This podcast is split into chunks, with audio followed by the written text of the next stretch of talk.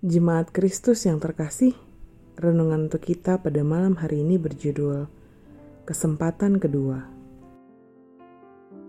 Dan bacaan kita diambil dari kitab 1 Timotius pasal 1 ayat 13 sampai dengan 17.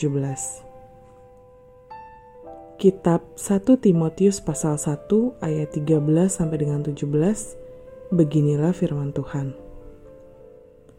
Aku yang tadinya seorang penghujat dan seorang penganiaya dan seorang ganas, tetapi aku telah dikasihaninya, karena semuanya itu telah kulakukan tanpa pengetahuan, yaitu di luar iman. Malah, kasih karunia Tuhan kita itu telah dikaruniakan dengan limpahnya kepadaku dengan iman dan kasih dalam Kristus Yesus. Perkataan ini benar dan patut diterima sepenuhnya. Kristus Yesus datang ke dunia untuk menyelamatkan orang berdosa. Dan di antara mereka, akulah yang paling berdosa. Tetapi justru karena itu aku dikasihani, agar dalam diriku ini, sebagai orang yang paling berdosa, Yesus Kristus menunjukkan seluruh kesabarannya.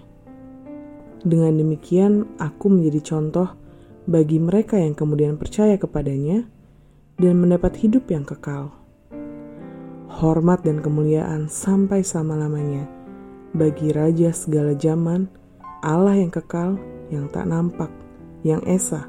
Amin. Pernahkah kita mendapatkan kesempatan kedua dari kesalahan yang pernah kita buat? Atau apakah kita pernah memberikan kesempatan kedua pada orang yang berbuat salah kepada kita? Untuk ukuran dunia, kesempatan kedua adalah barang yang langka dan mahal. Katanya, hanya orang-orang terpilih yang bisa mendapatkan kesempatan kedua. Atau ekstrimnya, kesempatan kedua hanya tersedia bagi orang yang punya kekuatan dan kekuasaan. Bagi orang biasa, maaf, minggir dulu. Lalu hal ini apakah juga berlaku dalam kehidupan iman kita bersama Allah? Apakah kesempatan kedua yang berarti pengampunan sungguh hal yang hampir tidak mungkin kita dapatkan dari Tuhan? Nyatanya tidak. Allah senantiasa memberikan kesempatan kedua, ketiga, keempat, bahkan sebanyak-banyaknya kepada anak-anaknya. Persoalannya adalah, apakah kita menyadari itu dan mau mengambil kesempatan itu? Atau karena Allah Maha Pemurah dan Maha Kasih, sehingga kita merasa masih memiliki banyak waktu untuk menunda kesempatan untuk kembali ke jalan yang dikendaki Allah.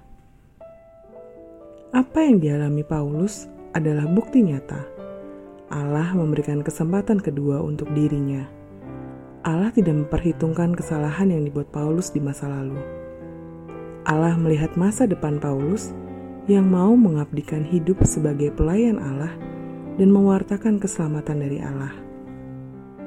Apakah kita siap mengambil kesempatan kedua yang kita miliki?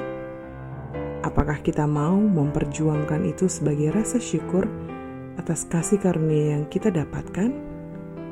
Atau kita tetap hidup sesuai ukuran dunia dan melupakan kesempatan kedua dari Allah? Datanglah kepada Tuhan selama Ia berkenan. Ia akan menyelamatkan kita dari kuasa gelap